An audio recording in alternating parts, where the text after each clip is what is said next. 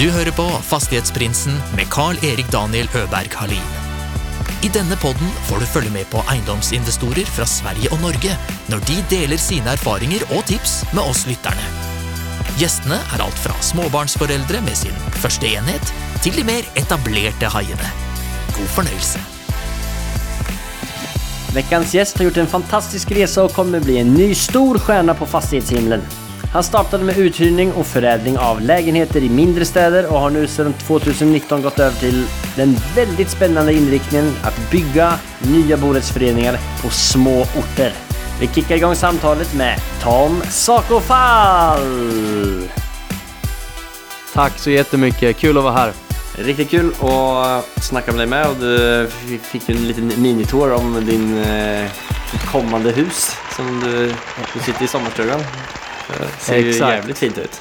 Sommarstuga och permanentboende i Ludvika. Ja. Jag är sann Lud- Ludvika-patriot. Ja, men det ska man väl vara. Du hade en liten avstickare till Stockholm, men den... eh, var- Exakt. Det, det blev tre, tre och ett halvt år tror jag. Sen, sen längtade jag hem till, till Ludvika igen. Ja. Men det var fastigheter som, eh, som tog dig till Stockholm och fastigheter som tog dig hem. Så Stämmer bra. du är en eh, fastighetsman. Jag tycker det är så otroligt kul. Ehm, det, jag har alltid varit jätteintresserad av både byggnation och eh, arkitektur. Ja. Eh, så på något sätt så har jag nog alltid, alltid lutat åt det hållet faktiskt. Eh, när jag var liten så höll min pappa jättemycket på att renovera lägenheter och hus och köpte och sålde. Så att jag är liksom... Så du har det Ja, liksom så- i familjen på något sätt. Ja, men exakt. Jag tror jag har varit invaggad i det. Ja. Mitt, mitt favoritprogram när jag var liten, det var Äntligen Hemma. Okej. fick, fick titta när de byggde saker. Så ja, Men- nej, det, det känns Men, men, men naturligt. pappa, alltså höll han på med det man kallar lite så flipping av hus? Eller? Ja, e- exakt. Både, både hus och lägenheter och bilar och, och sådär. Men liksom mer vid sidan av sitt vanliga arbete. Så att han hade inget sånt liksom, företag som, som jag har som håller på med det mer företagsmässigt. ut- Utan Mm. det var mer på, på sidan av det vanliga jobbet. Ja, okej. Men så kul, så håller han på med någonting med det fortfarande eller? Ja, nu jobbar han åt mig som anställd, så nu Ja. gör han det fast i, i, i mitt bolag. Ja. Eh, så, så, så det är kul. Ja, vad roligt. Hur, hur många är ni i företaget? Vi är fem stycken. Och, och du startade när du kom tillbaka från eh, din eh, Stockholmstur? Exakt. Eh, 2014 flyttade jag tillbaka till Ludvika eh, och köpte våran första fastighet. Mm. Eh, som var då 24 stycken lägenheter som stod helt tomma. Och Okej. en stor eh, huvudbyggnad med matsal och storkök och sådär. Vad var det för Ehm. typ av hus innan? Alltså det var en, när det är sån, det låter som typ något internat eller? Ja men typ, det var en gammal, eh, en gammal kursgård, eh, egentligen Rem, Remshyttans eh, turistgård. Så att det var Friluftsfrämjandet som byggde den fastigheten 1919. Eh, och, och sen var det liksom olika verksamheter där under hela eh, 1900-talet egentligen. Eh, det var ett flyktingboende där på 80-talet. Sen blev det ett fritidsboende eller så friluftsboende, turistboende. Så det hade lite olika verksamhet under, under åren då. Okej. Eh, men det vi gjorde där egentligen, det var att vi gick in och renoverade alla lägenheter. Ehm, och sen efter ett tag så sålde vi dem som eh, bostadsrätter. Men vad var de, när ni köpte dem, vad var det för typ av eh, reglering? Det- eh, Eller heter det reglering? Alltså vilken kod eh, snackar vi väl om i Sverige? Ja, ja, men typkoden då, det var ju hyres, hyresrätter. Så det, vad blir Så det det då? var liksom inte bara eh, eh, någon typ av studentboende eller eh, Nej, det vårdboende? var det inte. Så det var lägenheter Ty- som ni köpte det som? Ja. Exakt, typkod 320 tror jag. Mm. Så hyre, hyreshusenhet med bostäder. Ja, så då, så då behövde ni egentligen bara renovera dem. Vad kostade, hur många sa du? 22 lägenheter? Eh, 24. 24 lägenheter 20, i eh, 2014 i, var det i Ludvika eller? Precis, exakt. Vad kostade, vad kostade de då? Nej men det, var, det där var en sån här affär som man egentligen inte gör så ofta tror jag. Jag köpte allting för eh, 1,9 miljoner. 24, 24 lägenheter, Oj. 100 000, 100 000 kvadratmeter mark, en huvudbyggnad på 1800 kvadratmeter. Ehm, så att den fast och jag äger fortfarande själva huvudfastigheten även om vi har sålt eh, liksom Ja. bos, ehm, ja, bostadsrätterna. Ja. Det vi håller på med nu är att vi fortfarande gör mer tomter där ute så vi håller på med en detaljplan så vi får fram tio stycken tomter till då, som vi kan Ja. stycka av. Vem var det, ni, Eh, men- var det kommunen som sålde det eller vem var det som ägde det? Nej, det var ett, eh, en tysk familj Ja. Som köpte den där fastigheten 2009. Mm. Eh, sen renoverade de en stor del av fastigheten, eh, men de gick i konkurs 2013. Ungefär Ja. ett halvår innan jag köpte fastigheten. Eh, och det var väl en ganska stor konkurs för dem, så de flyttade tillbaks till Tyskland. Ehm, och då, ja, jag visste att de hade gått i konkurs, men jag såg liksom inte att objektet låg ute till försäljning, så att jag tog kontakt själv med konkursförvaltaren och fick liksom dra, dra ur dem all information. Eh, de hade inte tagit fram något prospekt, så att jag fick själv liksom ringa till eh, elbolag och försäkringsbolag för att ta reda på vad liksom, driftkostnaderna var på det här stället. Ja. Eh, sen lyckades jag, ja, de skulle ha 5,5 miljon först, men jag Okej. lyckades pruta ner det där till 1,9 miljoner. Okej. Ehm, Stor prutan. Ja, ja, men det var liksom fyra veckor konstant tjat. Ja. Eh, och till slut så tror jag de tröttnade på mig och bara sa ja okej du får ta det för 1,9. Oj. Ja, men Så det var eh, bra. fy- fyra veckors tjat för eh, 3 miljoner, 3,5 miljoner, eller 3,1 miljon. Det är, det är bra timlön. Ja, men det, det vart, eh, det vart jättebra. Ja, men det, var- måste ha var ju varit en den- helt fantastisk start. Ja, det, det var det. Eh, absolut. Det var ett otroligt bra start. Hur lång tid tog det för er att re re renovera allt det och fram tills att ni hade sålt eh, några lägenheter då? Jag skulle säga att vi hade, först hade vi uthyrningsverksamhet egentligen under några Mm. år. Så Men var, det så, 2000 liksom, var det så att det var uthyrbart från, eh, från det att ni köpte det eller var ni tvungna att göra någonting?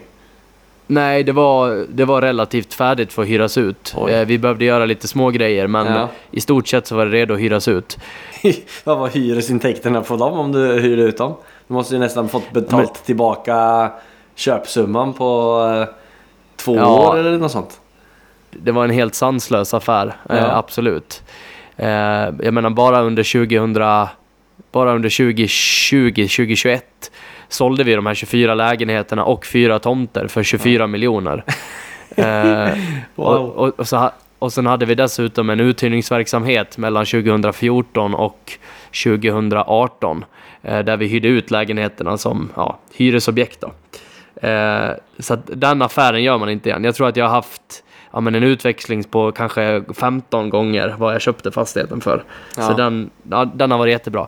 Ja. Det som är kul är ju Mm. att Remshyttan ligger ju mitt ute i ingenstans egentligen mellan Borlänge och Ludvika. Ja.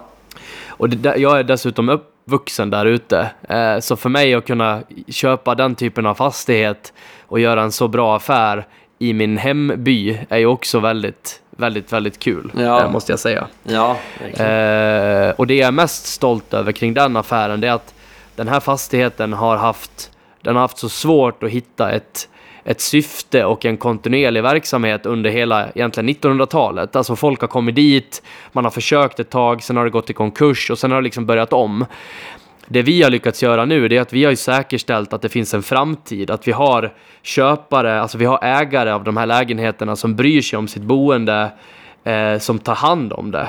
Så att vi har, förstår du, vi har hittat liksom en långsiktighet i, i fastigheten så att den inte riskerar att, att bli tom och öde igen. Men hur kommer det sig? Att ni fick till det och ingen annan fick till det? Alltså jag vet inte, jag tror att det är också en, en, en positiv grej om man är driven, eh, vilket, vilket jag är och har mycket idéer och vill framåt och göra saker och är kreativ. Då är det inte lika mycket konkurrens på landsbygden heller. Eh, jag skulle säga att det finns, kanske inte, det finns kanske inte lika stora pengar att göra som om man är i en storstad. Men det finns inte lika många som springer på det. Så att det är mer som en öppen det är mer som en öppen bok och du kan gå och plocka delar som du tycker är intressanta.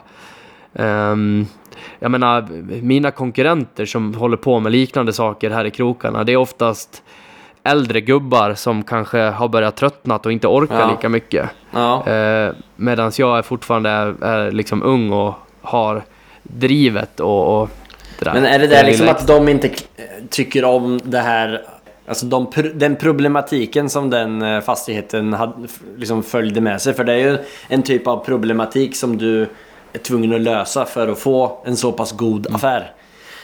alltså någon annan, som sagt, flera har gått i konkurs som har ägt den tidigare. Eh, och det var reglerat till eh, lägenhetsändamål. Eh. Mm. men de fick inte till det.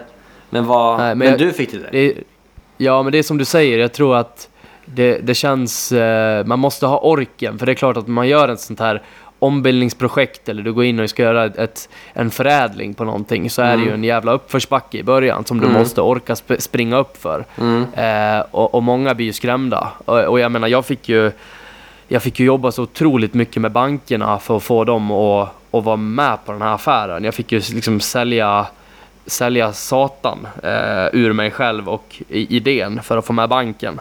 Men även om den, Ehm. du köpte den för 1,9 miljoner och det var Ja. i princip uthyrbart redan då.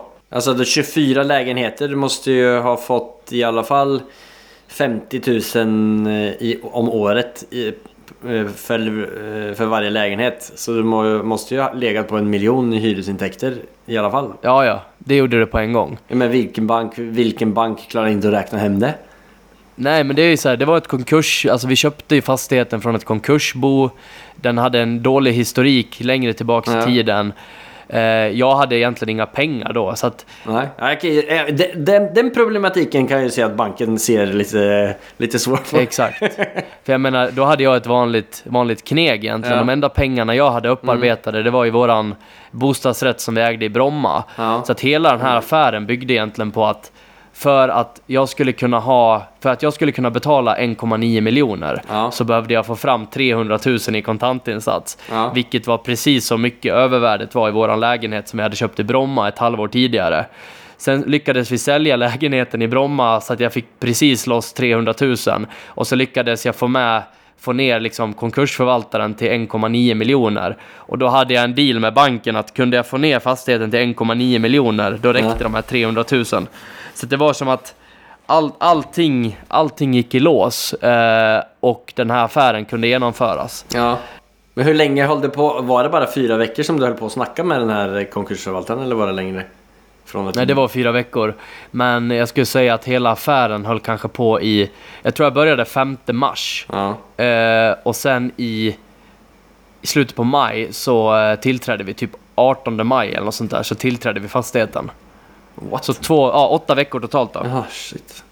Alltså jag skulle kunna bara sitta och prata om den här eh, affären eh, känns det som för att det var så jävla intressant. Sjukt ku- rolig affär. Ja, verkligen. Men eh, eh, vi ska inte släppa den helt, jag vill bara eh, ta några till frågor på den. Eh, eh, om, alltså, när, då, då eh, tog ni över den och så, vad var liksom uppförsbacken som du menade att du hade i starten då? När ni hade tagit över den så var det liksom att, att försöka hitta hyresgäster, eller? Ja, exakt. Det var för att hitta hyresgäster och för att ha finansiering till att kunna renovera det som behövde renoveras för att Mm. kunna få igång fastigheten. Vad var det som behövde renoveras då? då? Ja, Men det var ju att driftsätta värmesystem, Ja. koppla in toaletter och handfat, eh, fixa inredning till lägenheterna. Eh, liksom hela den biten som kostade väldigt mycket pengar. Ja. Eh, det, det- jag gjorde då egentligen, det var att jag tog in en delägare i, eh, i bolaget Ja. som eh, jag hade haft kontakt med, som jag tyckte var en, en bra person och vi klickade och han hade samma typ av driv som mig. Och han, och han hade hållit på med fastigheter i, i några år redan. Så han kunde liksom gå in med kapital och sen kunde jag vara liksom närvarande på plats med mitt driv och Ja. få det att gå, gå i lås så att säga. Sen jobbade jag väldigt tajt ihop med den här killen i, vad blir det, fem år. Sen liksom valde vi att gå olika, olika vägar. Mm. Eh, men han var också en jäkligt viktig del i den här resan. Hade inte jag fått in honom som delägare tidigt så tror jag inte att det hade varit möjligt att göra, eh, göra den här snabba resan som det ändå var. Nej, men för du startade med det i eh, 2014 med fastigheter. Ja. Och Yes. nu är det 2022, slutet av 2022. Den inriktningen som ni har nu är ju också jävligt spännande. Eh, Ni bygger ju nybyggnationer till försäljning i mindre orter. Japp.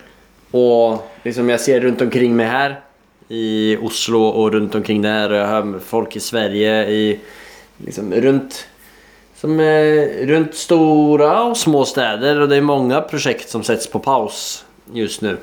Och då ser jag liksom är jag ju supernyfiken på hur får man till det i du sa att ni byggde i eh, en, eh, en liten stad där det bodde, eller by eller vad, vad man kallar det. Där det bor tusen pers. Bygger ni nybyggnationslägenheter eller? Mm. Som någon köper, alltså borättsföreningar blir det då. E-, exakt. Nej men alltså det är ju, och det ska jag säga, att läget vi är i nu och kommer vara i just nu är ju väldigt exceptionellt. Så att vi är ju också väldigt oroliga och vi vet inte exakt hur många projekt vi kommer kunna dra igång i vår. Vi har ju fyra projekt som är i full gång just nu eh, som blir klara under ja, men mitten på 2023. Men det är ju projekt som vi sålde alltså för ett år sedan ungefär, eh, innan marknaden liksom dök. Sen ser det ändå ut som att vi kan driftsätta kanske tre nya projekt i, i vår. Eh, men vi har ju liksom sju projekt ute till försäljning. Så jag tror att det kommer bli ett jävligt tufft 2023 innan det liksom vänder uppåt igen 2024 och då, då vill jag gasa. Mm. Men det som vi gjorde egentligen, vi körde igång med ett nyproduktionsprojekt i Ludvika hösten 2019. Eh, och det var egentligen en, en slump skulle jag säga. Jag hade köpt en, en hyresfastighet med, med lägenheter. Eh, och på den fastigheten fanns det en outnyttjad byggrätt. Eh, där man kunde bygga tio stycken lägenheter. Ehm, och det här är då en gammal herrgårdsfastighet som eh, har sina anor ifrån 1800-talet. Ja. Superfin fastighet. Så det vi gjorde då egentligen, det var att vi började skissa på ett lägenhetshus med tio lägenheter och då, då var det viktigt att vi följde stilen på den här gamla herrgården. Så vi, liksom, vi, vi ritade det med svart bandtäckt plåt och putsad fasad och mm, fina spröjsade fönster och, och lite den här gamla, gamla touchen. Är det här första projektet som ni gör som är lite, alltså som är ny, nyproduktion då som ni kommer bort Ja, i? Ni har bara typ precis. renoverat kanske hyresfastigheter som ni har eh, köpt eh, då fram till den här tidpunkten? Exakt, så det här Ja. var det första nyproduktionsprojektet. När du säger vi skissar på, satt ni och skissade på eller eh, tog ni in någon arkitekt eller något liknande för att... Jag, jag tog in en arkitekt. Ja. Eh, en person som vi hade jobbat med i tidigare verksamhet eh, som hade hjälpt oss och ritat på ombyggnationer och sådär. Men det vi såg då i alla fall, det var vi byggde eller ritade det här huset i den här klassiska stilen och vi släppte ut det till försäljning och lägenheterna gick åt på en gång. Det tog liksom en vecka och sen var allting sålt. Och det vi såg var att nästan alla köpare var eh, 60 plus, 65 plus skulle jag säga. Eh, eftersom det här projektet gick så bra så började jag leta efter mer mark i Ludvika och då hittade jag en till tomt typ 500 meter därifrån.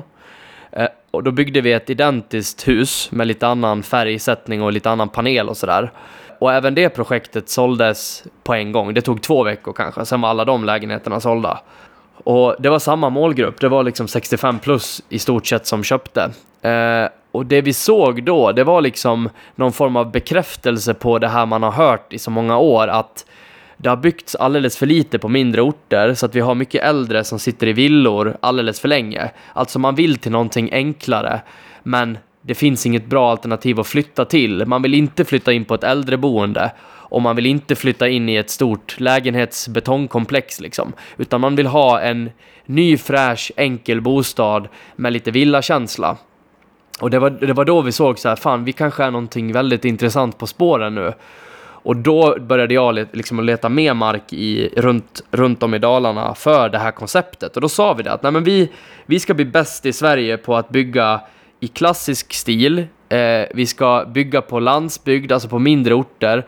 Och vi vänder oss till en äldre målgrupp. Så att då, då fick vi en så här väldigt specifik specifik inriktning och nisch då, eh, som har funkat väldigt, väldigt bra. Så att det- var egentligen en slump tack vare det här första projektet som gjorde att vi kom in på den här, eh, på det här spåret.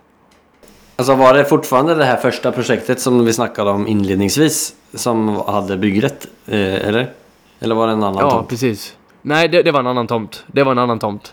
Så nu är vi inne i centrala Ludvika, eh, mitt inne i stan då. Men eh, när du säger att ni bygger i, i liksom traditionell stil, är det fördyrande eller är det Kostar det typ lika mycket som att bygga modernt. Nej, men jag skulle säga att det är lite, lite, lite, lite dyrare. Men det är väldigt, det är väldigt, eh, alltså marginellt. Sen har ju, det vi, det vi har gjort är att vi har gått in och kapat ett led i, i den här processen. Alltså vi använder ju inte en extern totalentreprenör till att göra jobbet. Eh, utan, utan vi agerar själv totalentreprenör gentemot föreningen. Sen, eh, sen har inte vi någon egen byggande personal, så att vi upphandlar bygg, vi upphandlar mark och vi upphandlar all installation. Men vi, vi, vi själva liksom, annars hade vi haft en total entreprenör som hade skurit emellan liksom 10% av vinsten. Den, den plockar ju vi hem själv nu. Eh, och, det, och det gör att vi kan hålla, hålla ett lägre pris ändå. Men hur kommer det sig att ni, eller hur sitter ni på den kompetensen då? Alltså det är ju projektledelse på ett sätt och man måste ju ändå ha en viss kunskap om eh, allt byggtekniskt i, eh, i det att eh, ja, men alla krav som man måste sätta på de som ska utföra jobbet och Precis, nej men den kompetensen har vi ju. Dels har ju jag jobbat med fastighetsutveckling nu sedan 2014. Sen, sen är min pappa anställd, han har jobbat som projektledare inom bygg och mark i hela sitt liv, liksom, sen han var, sen han var eh, i 20-årsåldern. Eh, så han, han, sitter ju på en jättekompetens. Eh, och sen har vi även en till projektledare anställd som också, som också är i min pappas ålder, som har jobbat med, med projektledning hela sitt liv. Så att den, ja, den kompetensen har vi knutit till oss helt enkelt. Det är ju ett smart sätt att och liksom sätta upp sin struktur på i, i företaget. Jag bara ta en liten, eh, två snabba frågor här. Om du var helt nybörjare och nu har du kört på i nio år. Eh, och du hade 500 000 på fickan. Och vi är i 2022. Du har den kunskapen upparbetat. Vad hade du gjort med de eh, pengarna idag? Jag hade börjat, hade börjat smått. Jag tror jag hade, nu, nu, får vi se vilken typ av marknad vi går in i. Ja. Men jag, jag, tror fortfarande att det finns orter där, där du kan gå in och liksom flippa lägenheter.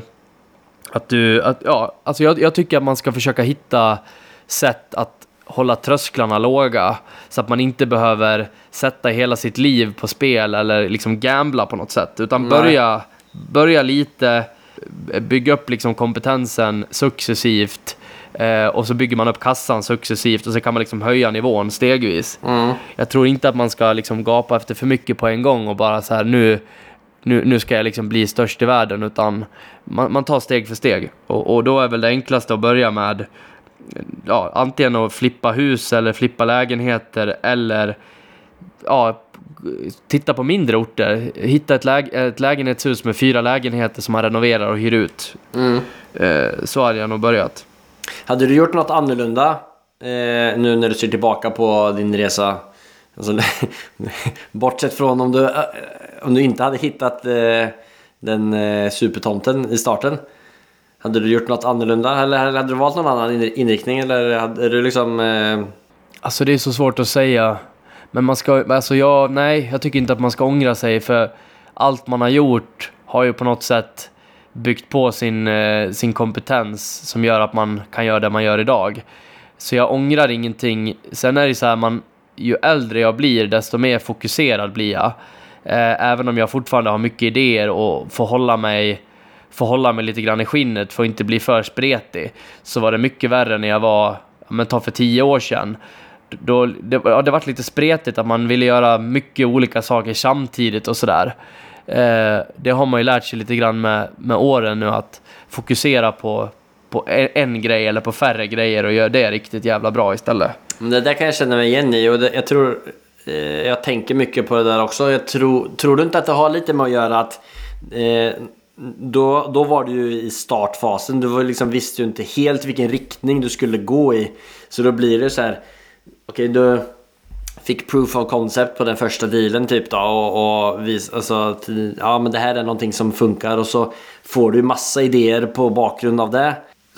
Som gör att liksom Du vill ju bara få igång maskineriet. Och man är ju på något sätt lite orolig att kanske det inte kommer att fortsätta så bra eller samtidigt och att man är intresserad av att få igång maskineriet ännu hårdare liksom. Som, som sen då när man får bekräftat att man har, man har hållit på i ett par år, det rullar på. Det är viktigt att hitta, som du säger, fokuset. För annars så kommer du aldrig att få igång det där maskineriet. I starten så måste man väl vara lite som en, en liten eh, bomb och bara skjuta brett och försöka fånga saker tror jag. Ja, men jag håller med. Eh, Jag tror att det, det kanske är så som du säger att i början så är det bra att skjuta brett. Då får man vara lite som en, ett, ett automatgevär liksom. Och sen får man se vi, vi, vilka grejer som träffar och som känns eh, bra. Och sen Ja. kan man gå vidare på de, eh, på de delarna. Men det är ju också såklart, alltså fokuserar på en sak så, eh, och ger en, all energi åt det så kan ju det gå jättebra också. Men samtidigt så kan det vara, du har hållit på med det i två år och så visar det sig att det inte var så bra. Så då kanske man, ja då har man, man har inte förlorat två år men man, jag vet inte. Alltså, jag har alltid haft eh, en, en form av typ eh, push hemifrån också. Att, eh, och, och den har varit så jäkla viktig för mig att alla, alla små liksom, nederlag man, man, har, eh, man har varit med om i, i firman och sådär, man har förlorat pengar på någon affär eller man, vad det nu kan vara, så, så har min pappa alltid varit duktig och sagt att man kan se allting som en skola istället. Ja. Att har, har det kostat nu 200 000 så, ja men du lärde dig jättemycket och vad hade en, vad hade en utbildning kostat för att lära dig samma sak? Alltså att, att man hela tiden försöker vända det till det positiva och att man i alla nederlag också lär sig väldigt mycket. Och kan man lära sig att tänka på det sättet så, så är det väldigt bra tror jag. Ja, för du, du slår mig eh, för en som är väldigt positiv. Har, har, du, har du ett bra mindset upplever du? Ja, det tycker jag att jag har. Eh, jag har ju såklart gått gå upp och ner hela tiden i, sitt, eh, i sitt psyke, men när jag har ett, ett, ett, ett tapp eller ett fall på något vis, då är det väldigt kort. Och då går jag direkt in och börjar fundera på idéer och sen tycker jag att jag ganska snabbt tar mig ur den här eh, dippen så att säga. Har du några verktyg som, eh, som du använder alltså mentalt för att eh, du går på en smäll och hur, hur du liksom snabbt ska komma, komma vidare? Uh, ja, ja, alltså jag tror att mitt sätt att bearbeta det där är mer att sätta sig ner och, och på riktigt fundera på vad fan ska man göra nu? Så att man inte bara gräver ner huvudet i sanden och liksom skjuter det på framtiden utan istället tar tag, tar tjuren vid hornen och, och liksom konstatera faktum. Ja, det här gick åt helvete eller nu befinner vi oss i den här situationen. Det här är för jävligt. Hur fan, vad, ska, vad ska vi göra nu? Och sen att man då börjar jobba konkret med det istället. Det är väl ett sätt. Sen, ja, men jag försöker liksom att tänka positivt hela tiden. Att saker, saker kan lösa sig, att det kommer lösa sig och, och sådär. Men när jag, var, när jag var yngre, nu är det många som tycker det är så här hokus pokus, men jag läste ju The Secret jättemycket när jag var kring, egentligen från 16 upp till 25 skulle jag säga. Så läst, jobbade jag väldigt mycket med The Secret och eh, ja, jag, jag, jag tror under de åren så jobbade jag med det så mycket så att jag har, jag tar till det också utan att jag knappt vet det. Lagen om attraktion, den är ja. bra. Ja, nej, men det precis. Det handlar liksom om att tänka, tänka på det man vill ha och eh, tänka positivt och ja, inte ja, för att attrahera det man vill.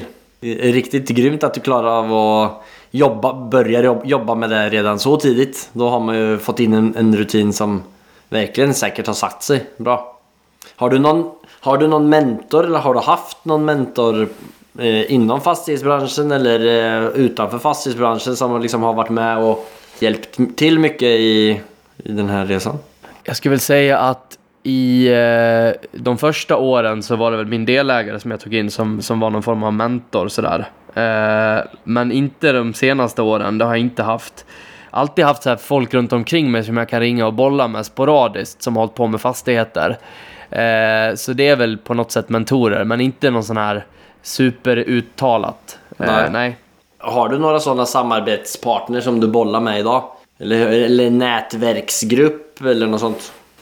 Ja, jag har tagit in eh, lite kompetens i eh, en styrelse och ett advisory board egentligen. Eller det är ett advisory board, men vi håller på och jobbar in ett, ett riktigt styrelsearbete nu. Och det är ju då kompetent folk från dels ekonomi och fastighetsbranschen och liksom bygga, bygga större företag. Eh, för det jag vill göra med vårt koncept är att vi, vi ska bli hela Sveriges landsbygdsutvecklare. Och eh, jag vill ju liksom hamna i ett läge där vi bygger flera hundra lägenheter per, per år. Och för att göra den resan, då känner jag att då är det extra viktigt att knyta till sig kompetensen. Mm. När eh, tror du att ni når det då? Alltså när tror du att ni kommer upp i och utvecklar flera hundra i året? Ja, men nu ligger vi på typ 50-60 lägenheter per år. Sen får vi ju se nu hur, hur liksom eh, hur, hur, hur långvarig den här dippen blir nu. Om det bara blir halva 2023 eller om det blir hela 2023 och halva 2024, det vet man inte.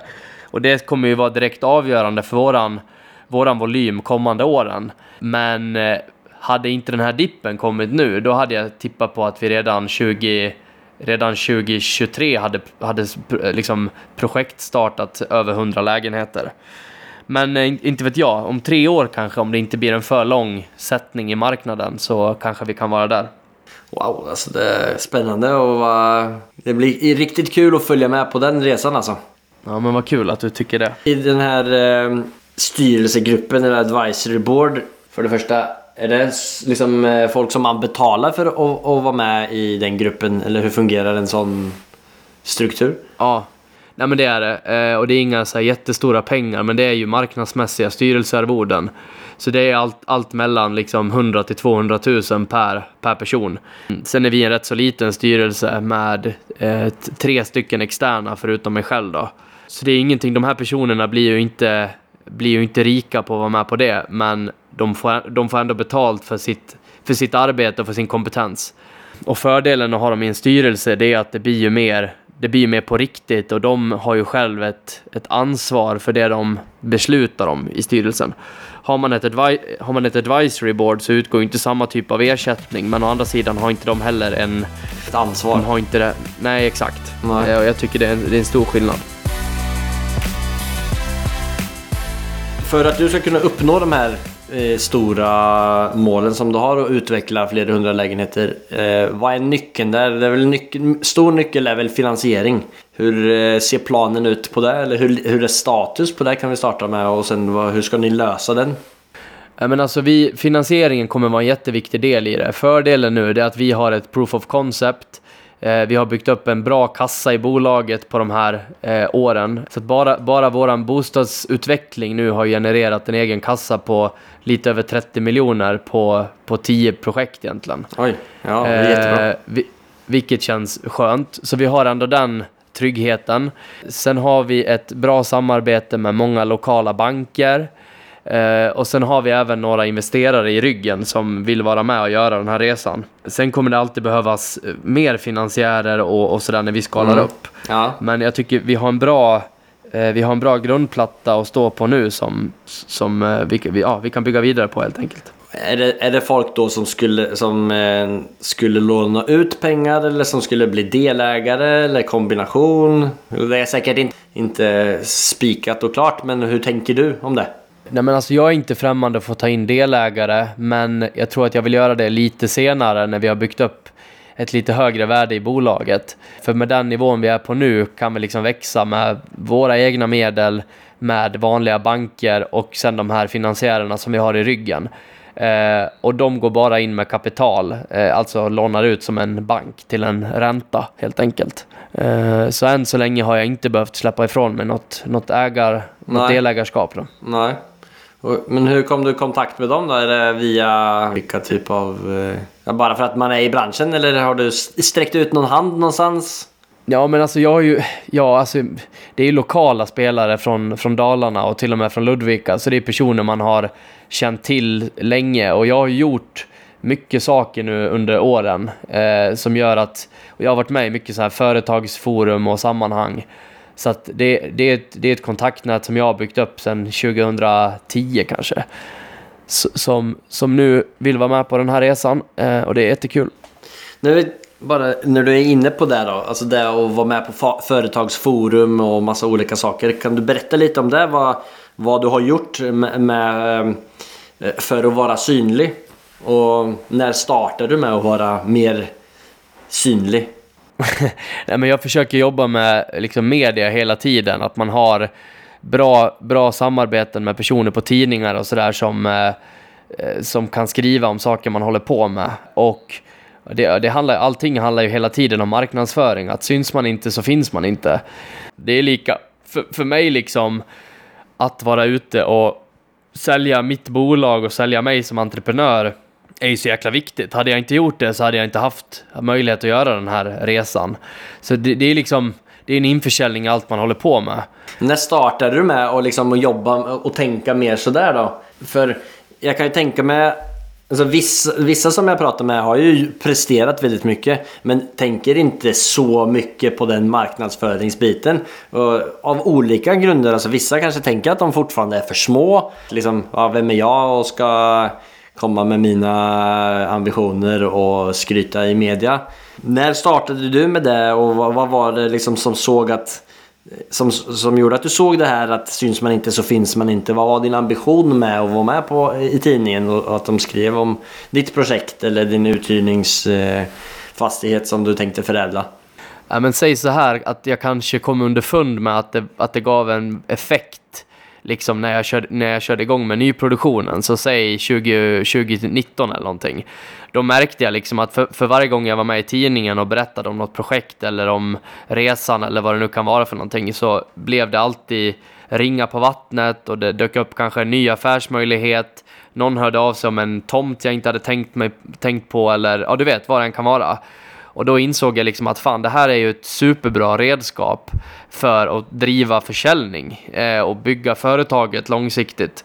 Så att jag försöker ju att synas så, så mycket det går och nu vet ju många av de här lokala tidningarna runt omkring att jag håller på med mycket saker. Så nu hör ju de av sig till mig och ställer frågan, är det någonting, håller du på med någonting nu som, mm. som du kan berätta om? Ja, okay. så att, ja, det, det, blir ju någon form av ömsesidigt samarbete egentligen. Ja, ja, visst. Och så kan jag ringa och tipsa dem om det är någonting som jag ska göra eller sådär. Ja. Uh, den är ju superviktig. Sen har det ju varit mycket i, i liksom Dalarna lokalt. Uh, så nu blir det ju mer också, ska vi göra den här resan som bolag över hela Sverige, vilket jag vill och är helt inställd på att göra, då gäller det också att etablera samma typ av relation, alltså i hela Sverige, med större tidningar och med fler lokala tidningar och allt det där.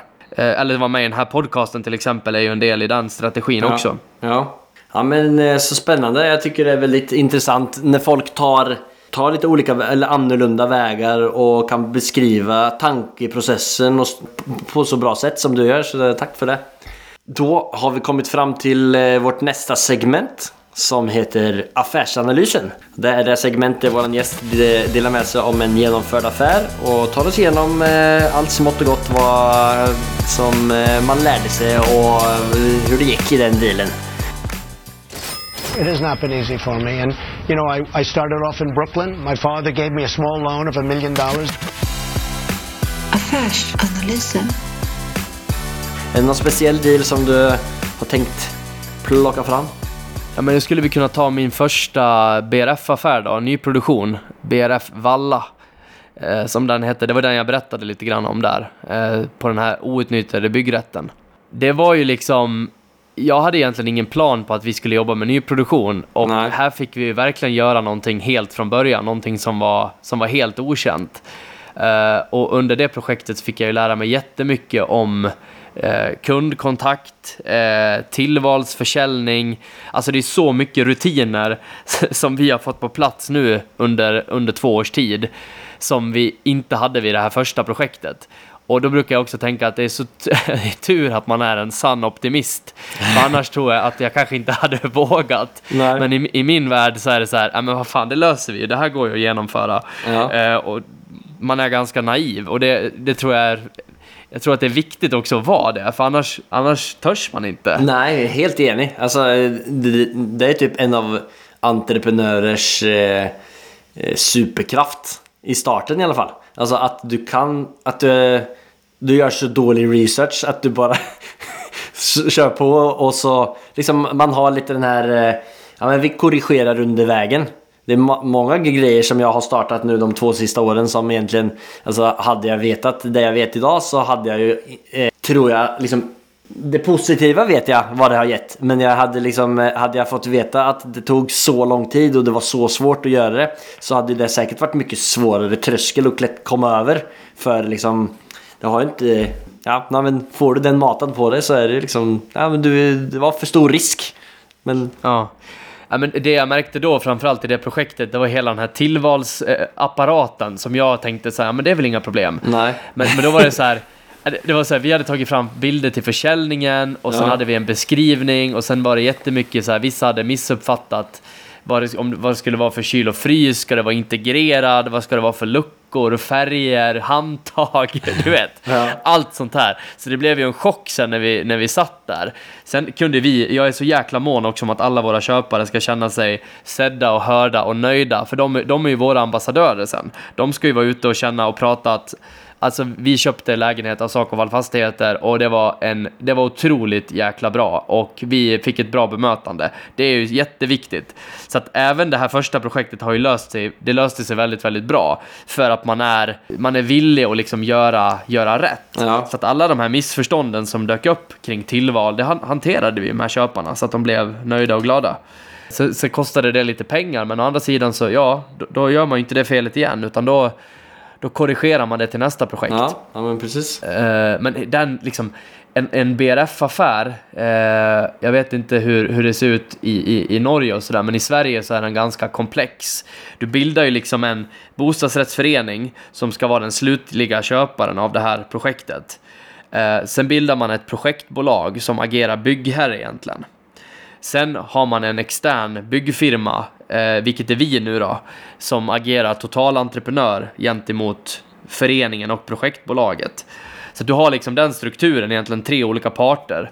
Eh, sen har du ju liksom, ja, det är så otroligt mycket, alltså föreningarna har en kostnadskalkyl som beskriver vad föreningen kommer ha för intäkter och, och kostnader. Eh, du har liksom bokningsavtal, förhandsavtal. Det är en, alltså det är en väldigt komplex affär. Förhandsavtal, alltså är det, är det köp, eh, köp av Ja. eh, enheterna liksom då? Men det blir så här, först har du marken klar, sen ritar du upp vad du vill bygga för någonting. Eh, och sen släpper du ut det till försäljning. Och då skriver man bokningsavtal. Och det är inte bindande avtal, men du får ändå en hum om, okej, finns det ett intresse från marknaden att faktiskt köpa det här? Så att du vågar gå vidare till nästa steg. Eh, eh, när man känner att man har nått en hög liksom, bokningsgrad, då registrerar man kostnadskalkylen. Och då har man också två stycken intygsgivare från Boverket som är certifierade. För då ska de liksom gå i god för att okej, den här ekonomin i föreningen är hållbar. Så att man liksom inte kan, kan lura in föreningen i någonting som bara blir att kosta pengar till exempel. Så att då, liksom, då, då får du kostnadskalkylen intygsgiven, du skickar in den till Bolagsverket och får den registrerad. Då kan man börja skriva bindande förhandsavtal. Och när man, när man har skrivit bindande förhandsavtal, då kan man sätta spaden i marken och börja bygga. Så att du har liksom, ja, det, den är, det, det, det är många olika delar i det. Ja, verkligen många hattar att sitta på. Men sitter du då som ansvarig i alla de här tre företagen fram tills dess att alla lägenheter är sålda och övertagna? Jag, jag sitter med i alla delar, men däremot i föreningen så har vi två oberoende externa personer som sitter med. För, då, då, då, för att det inte ska bli en jävsituation så får, så får inte jag ha liksom ensam, ensam bestämmanderätt i föreningen. Så, så då har man med sig två stycken oberoende eh, styrelseledamöter då. Nej, Och på vilket tidspunkt kommer de in? De, de kommer in från start vid, i bildandet. Så direkt man bildar föreningen. Vart hittar man dem? De hittar man på gatan. Nej då, men det, det, är folk, det, är, det är folk som finns i ens nätverk liksom, som, eh, som man kan plocka in där. Helt enkelt. Men det ska ju vara, det ska vara personer med kompetens. Man kan inte ta vem som helst. Utan de ska ju sitta där för medlemmarnas skull. Så Ja. det, det ska ju vara en person som, eh, som förstår ekonomi och kanske någon gammal revisor eller vad det nu kan vara för någonting. Ja. Spännande. Men till eh, den eh, kanske ännu mer spännande saken, kalkylen i ett sånt här projekt. Eh, Hur stor stad, var det i Ludvika som det här första projektet var, eller? Ja, precis. Vad ligger liksom eh, nyproduktionskostnader kostnader på och vad ligger försäljningspris på i kvadratmeter i en sån stad? Vi har en eh, produktionskostnad på ungefär 25 000 per kvadratmeter inklusive moms. Ja. Är det exklusive tomtkostnader då eller? Exakt, Ja. det är exklusive byggherrekostnader. Så att man, man får lägga till på de här kostnaderna för produktionen då, så får man lägga till Ja, men säg i snitt ett, ett projekt med 10 lägenheter så får man lägga till 2,5 miljon ungefär i byggherrekostnader. Eh, och då är ju tomten inkluderad. Då är det liksom tomtinköp, arkitektkostnader, bankkostnader, anslutningsavgifter för fjärrvärme, el, vatten, avlopp och så vidare. Eh, det är brandskyddsbeskrivning, det är intygsgivning, kostnadskalkyl, framtagning, eh, alla de där bitarna. Ja, alltså så, så det är rådgivningskostnader, men är själva tomt... Eh, alltså, kö, för, eh, alltså inköpet av den fysiska tomten, alltså kostnaden för de här eh, där. 4000 kvadratmeterna tomt kostar X kronor. Är det, det är inte med? Det är med. Och det är det som är grejen, att vi, vi köper ju... Vi, vi bygger ju på små orter, så den fördelen vi har det är att marken är så otroligt billig. Så att vi betalar mellan 300 000 och en och en halv miljon för alla våra tomter egentligen. Där du får bygga 10 lägenheter liksom. Ja. Det dyraste vi köper för det är en och en halv miljon. Någon dyrare tomt än det har vi, har vi inte köpt. Eh, må, många tomter ligger på liksom 300 400 000. Och det handlar ju om att de här kommunerna som vi köper tomten av, vi köper alltså 90% är från kommuner. De vill ju liksom inte tjäna massa pengar på att sälja mark, utan de vill ju möjliggöra för byggnation. För de vet att det är viktigt för kommunen. Man får en rörelse på bostadsmarknaden, fler personer kan flytta till orten, man handlar lokalt, man betalar skatt lokalt. Det är liksom, där ligger ju förtjänsten för kommunen, inte att kräma ur eh, de sista kronorna på marken. Men du bygger för 25 och så, så har du lite extra kostnader med tomt och, och så vidare. Och så är det bara 10, eller ja, vi kan ju ta det här kalkylen då istället för att Ja. jag ska hitta på. Nej men vi har ju alltså förtjänsten i, i våra projekt ligger på mellan, mellan 250 och 600 000 per lägenhet. Ja, Eh, och det, det beror helt på hur, hur bra tomten är, alltså hur mycket extra markarbeten behövs. Eh, vad kan vi ta för pris på orten? Så att vi får en bättre hävstång om vi, om vi bygger till exempel uppe i, i Rättvik där man kan ta lite mer betalt. Som Ja. ligger precis vid Siljan sådär. ja. Eh, men mellan 250 000 per lägenhet och eh, 600 000. Så att ett projekt på 10 lägenheter, då gör vi någonstans mellan 2,5 miljoner och 6 miljoner i vinst då. Och i eh, det här kostade, sa du, 25 000 eh, per kvadratmeter. Och det var kanske Precis. 500 kvadratmeter som ni byggde. Ja, utan jag skulle säga, säg 760 kvadrat av boa i ett projekt. 760, så då är vi uppe i 19 miljoner i kostnadspris plus eh, så har du 2,5 2,5. miljon. Eh, då är vi uppe i 21,5 miljon cirka. I bygg, eller liksom i kostnader. Precis, och sen har vi en, en, eh, en belåning i föreningen på ungefär 12 500 per kvadrat. Så då kan du ta 760 gånger 12 500 Vad sa du nu? 760 gånger 12 500. gånger 12 500. Ja, det är 9,5 miljon. Precis, och sen har du insatsen för lägenheten, då ligger vi någonstans mellan eh, 20 000 och 23 000 per kvadratmeter boa. Så om du tar eh, 23 000 då gånger 760. 23 000 gånger 760. Då är vi uppe i f- 17 miljoner. Och sen lägger du på de där 9. Ja, då är vi uppe i 26,5, 27 miljoner. Precis, så där har du projektintäkten på det, på det projektet. Minus då de här, vad blir det, 20, 21, 22. Okej, ja, så du sa, alltså för, var det försäljningspriset som du sa där? Var det 23 000? Ja. Eller? 23 000 per kvadrat. Ja. Plus att man har en, belåning i föreningen då, som också blir en in, intäkt för oss. Okej, kan du förklara det momentet? För det där har jag aldrig förstått hur eh, Borets föreningskalkylerna ser ut. Nej men det är ju faktiskt ganska unikt för Sverige med bostadsrättsföreningar. Men det innebär ju egentligen att föreningen äger en fastighet och föreningen har en belåning för, det, för köpet av den fastigheten. Så att man har ju en fördelning då, så att om du köper en bostadsrätt så betalar du först en insats för att köpa själva lägenheten av föreningen. Ja, ja, precis. Jag köper en lägenhet, den kostar 2 miljoner. Jag, jag som privatperson tar upp ett eh, lån på 1,7 och stoppar in 3. Precis. Men säg då att det är en förening med 10 lägenheter och sen har föreningen en belåning på 10 miljoner.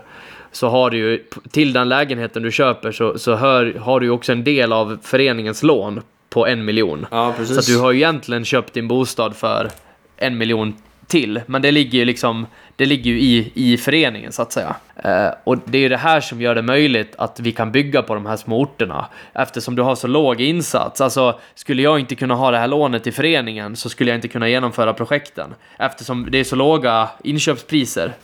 Alltså, förstår du? Bygger Ja, vi för... Men alltså, i, i, det, liksom, i det stora sammanhanget eh, så blir ju totalkostnaden, eller eh, alltså som jag som köpare.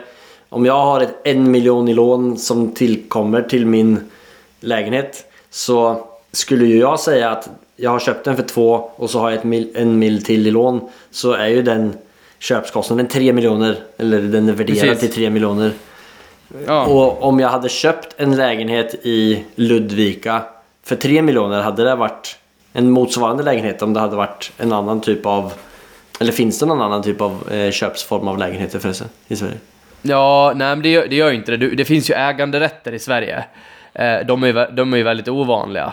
Då, då, har du liksom, då äger du din egen fastighet. Så att har du då ett, ett hyreshus som är äganderätter, då är ju den avstyckad, så tredimensionell avstyckning. Så varje lägenhet är sin egen fastighet som du kan Ja. belåna. Eh, så det är ju ett alternativ, men då behöver du ju liksom, det, blir, det är ju precis samma sak. Skillnaden är bara där att Istället för att den här lägenheten hade kostat 2 miljoner då, så hade den kostat 3. Och då hade du fått löst liksom den finansieringen själv. Men så eh, betyder det att man egentligen bara behöver ha eh, Alltså om jag, bara, om jag som privatperson bara kan få 2 miljoner i lån Kan jag köpa den då av dig eller räknar de in den här ena miljonen som tillkommer till, till den lägenheten? Nej men bankerna gör ju alltid en liksom sedvanlig bedömning av föreningen. Men det är ju så, det är så upplägget är i Sverige. Så att det man kollar på som bank, det är ju mer, har den här föreningen en sund belåning? Och då tittar man ju på kvadratmeter belåning. Eh, och då brukar man ju säga att någonstans mellan 10 000 upp till 15 000 per kvadratmeter boa är normalt. Och vi ligger på 12 500. Så vi har liksom valt att lägga oss mitt, i mitten så att säga. Inte för dyrt och inte för billigt. Eftersom vi bygger då på de här mindre orterna där man inte kan ta så jättemycket betalt i insats. Därför måste vi också ha en belåning som, är, som inte är för låg. Men vi vill ju också skapa långsiktiga och bra föreningar. Så därför ligger vi liksom inte på max heller utan ja, vi, vi ligger i mitten, typiskt svenskt, lag, lagom belåning. hur? Intressant. Eh, Hur ser ni liksom på den den kommande marknaden då? Kommer det bli några ut, liksom, utmaningar eh, eller i den inriktningen då med nybyggnationer av borättsföreningar för dig? Ja, det, det tror jag absolut att det kommer bli. Ehm, fördelen för oss är att vi, vi bygger på mindre orter där du inte har haft samma liksom, hysteriska prisutveckling de senaste åren. Eh, folk, folk är inte alls belånade på samma sätt. Vi har en snittbelåning på de här orterna på ungefär en miljon per hushåll, vilket är väldigt, väldigt lågt. Så att de här liksom, ränte, ränteökningarna som sker har inte samma eh, effekt som i storstäderna där du kanske sitter belånad på 5 miljoner. Det slår så otroligt hårt. Fördelen för oss är också att det har byggts alldeles för lite under lång tid så vi har så många som bara sitter och väntar på att det ska byggas. Vilket gör att man, när det väl kommer då en chans till att köpa det här nya boendet så ser man bortom en konjunktur. Man, man tänker mer långsiktigt. Vi jobbar inte med några spekulativa köpare, det är inga som köper liksom på spekulation. Utan det är, folk, det är folk som har bott på orten oftast hela sitt liv. De har en påse pengar som de bara vill fortsätta investera på, på sin ort. Och det är också en fördel. Men trots det så tror jag att 2023 kommer bli, eh, jag tror att det kommer bli tufft. Framförallt nu med elpriserna också att man, man är försiktig, man, ja, man, man fryser till is lite grann tror jag i, i många fall och bara, bara pausar och, väntar på att vad fan händer? Vart tar det här vägen? In, innan man vågar agera igen. Ja. Men vi sålde en lägenhet idag. Vi ja. sålde två lägenheter förra veckan. Oj. Vi fick in två bokningsavtal förra veckan. Så att jag är ju så här, även om det går så otroligt mycket saktare än för ett år sedan så är jag så glad att se att vi ändå har en rullians på Ja, grejerna. Och det, det, och, det, och det tror jag är på grund av det jag precis sa. Att vi, vi har det här unika konceptet. ja. När är det övertagelse av de eh, lägenheterna som du då sålde? Nu? De har vi övertagande på i maj, slutet på maj i vår. Ja men så spännande. Så, så det viktiga för mig nu är att säkerställa att vi har åtminstone tre projekt och sätta spaden i marken i, i vår. Så att vi kan liksom un- underhålla våran organisation. För det vi behöver göra annars det är att gå ner på sparlåga och kanske hitta kanske hyra ut dem tillfälligt under en dipp och så att man kan sen gasa på igen när marknaden vänder uppåt. Mm. Nej, men det ska jag följa med på. Det blir väldigt spännande att följa din resa de kommande åren med dina stora ambitioner. Ja, men det är bra. Du får följa oss på, eh, på Instagram, Sakofall Fastigheter. Ja, det må, det, det må alla göra. Sakofall Fastigheter. Vi länkar det till i beskrivningen i podden också. Och så länkar vi till alla andra kontaktuppgifter till eh, Tom som han vill eh, att vi ska eh, lägga ut också. Vi hoppar vidare till vårt nästa segment som heter Fyra frågor och det är det segment där vi ställer de samma fyra frågorna till våran gäst.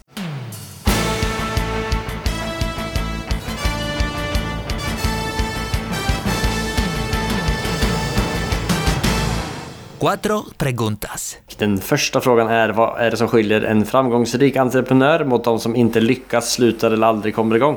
Eh, inställning och orken. Orken att hela tiden hitta nya vägar framåt när man, eh, man kör på minor hela tiden.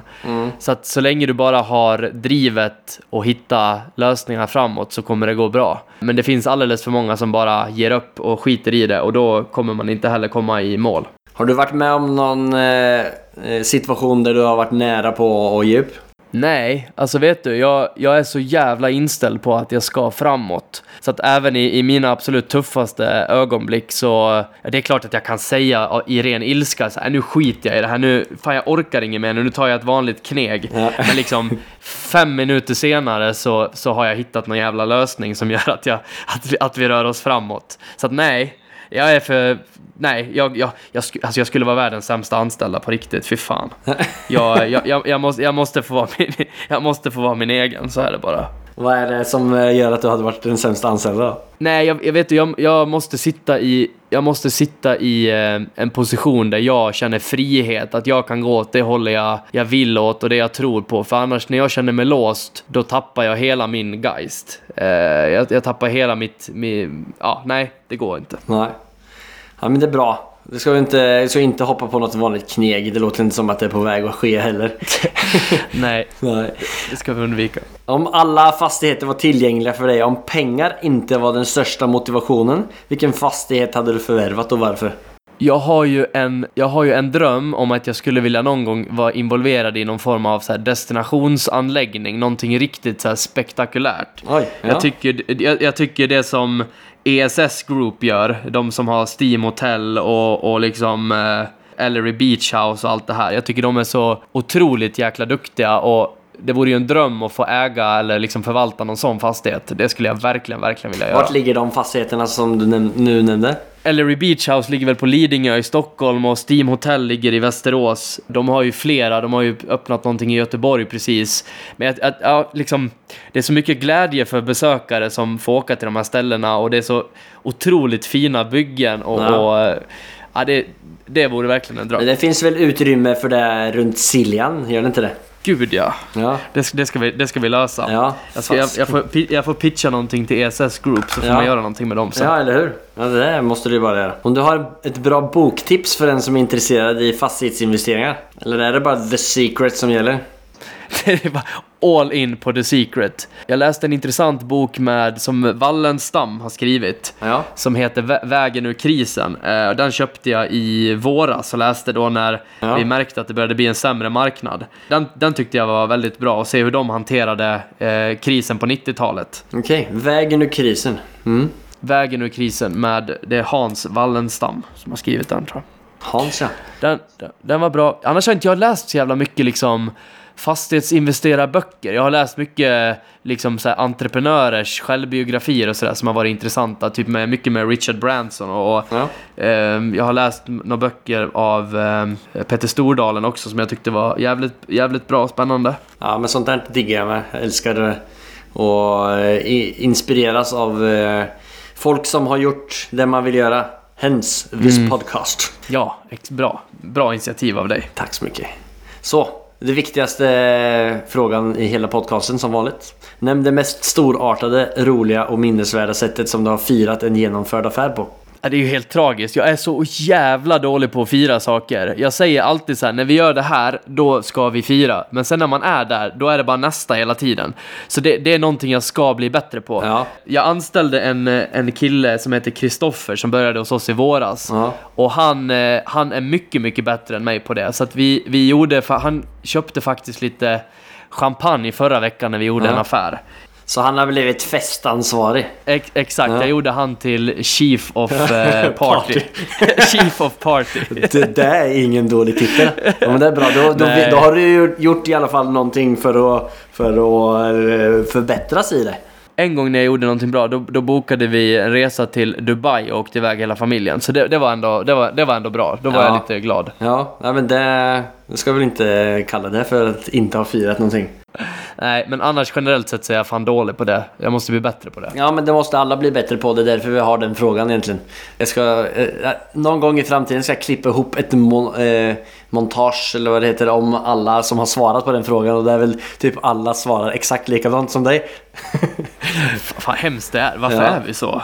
Det är väl inte bara driver. Men eh, det är liksom, du, du ser ju alltid fem steg fram hela tiden. Så det är ju bara ett delmål att komma och klara det där. Men det är någonting med som att få den här, som man som får, får alla de här endorfinerna och positiva känslorna som man, som man förtjänar att få. Man måste liksom sätta det i rutin. Så det är ju superbra att du har anställt eh, Chief of Party. Chief of Party, jag ska fan lägga till det på hemsidan på Kristoffer. Då blir han jätteglad tror jag. ja. ja, men det är skitbra alltså.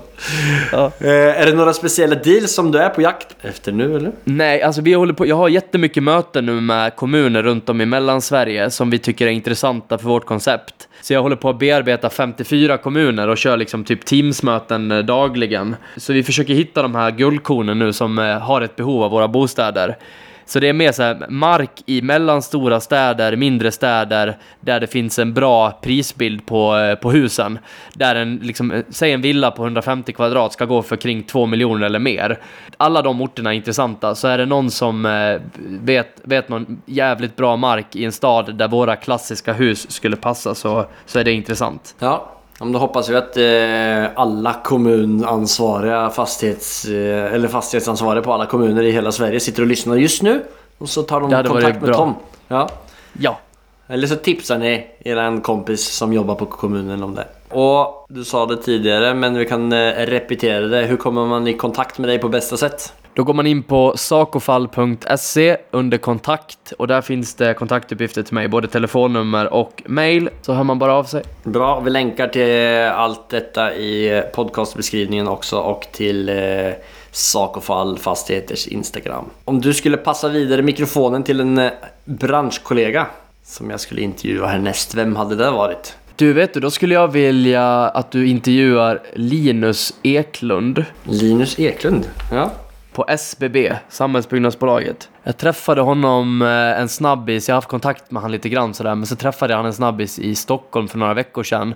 För jag var med på den här Fastighetsnytts, eh, ja, 35 under 35 i Sverige i fastighetsbranschen. Det verkar som att Linus har en jäkligt spännande bakgrund. Han har ju tydligen varit med på SBB från deras, eh, liksom när det körde igång 2016. Okej. Försök att intervjua han, det kan nog vara riktigt spännande att lyssna på. Men SBB det är Ilja Batlans... Eh, Exakt. har de bara hållit på sedan 2016? Yes. Du, du byggde väl upp ett, ett eh, substansvärde på 120 miljarder på fem år, tror jag. Oj, det är ju ganska insane.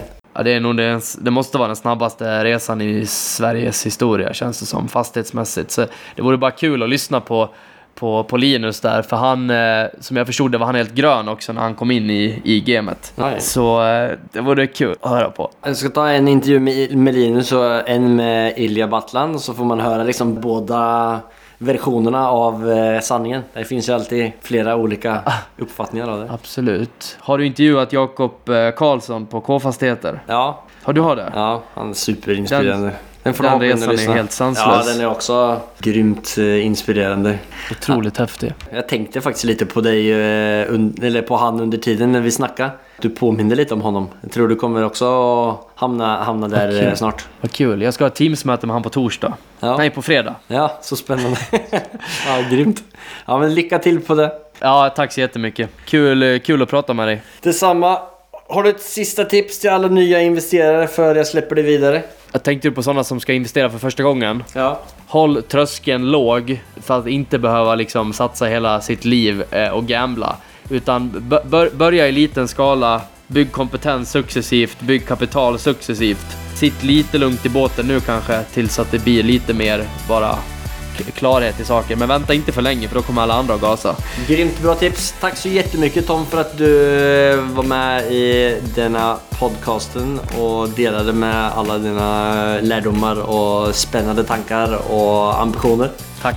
Så får du springa vidare och sälja massa BRFer och ringa kommuner så ska jag koka kaffe. Jättebra, vad gott. Njut av den. Ha det bra. Samma, hejdå! Hej. Det här var en riktigt inspirerande intervju med Tom. Jag ser supermycket fram emot att följa med på vart den här resan kommer att gå. Det jag tar med mig mest är Toms mindset.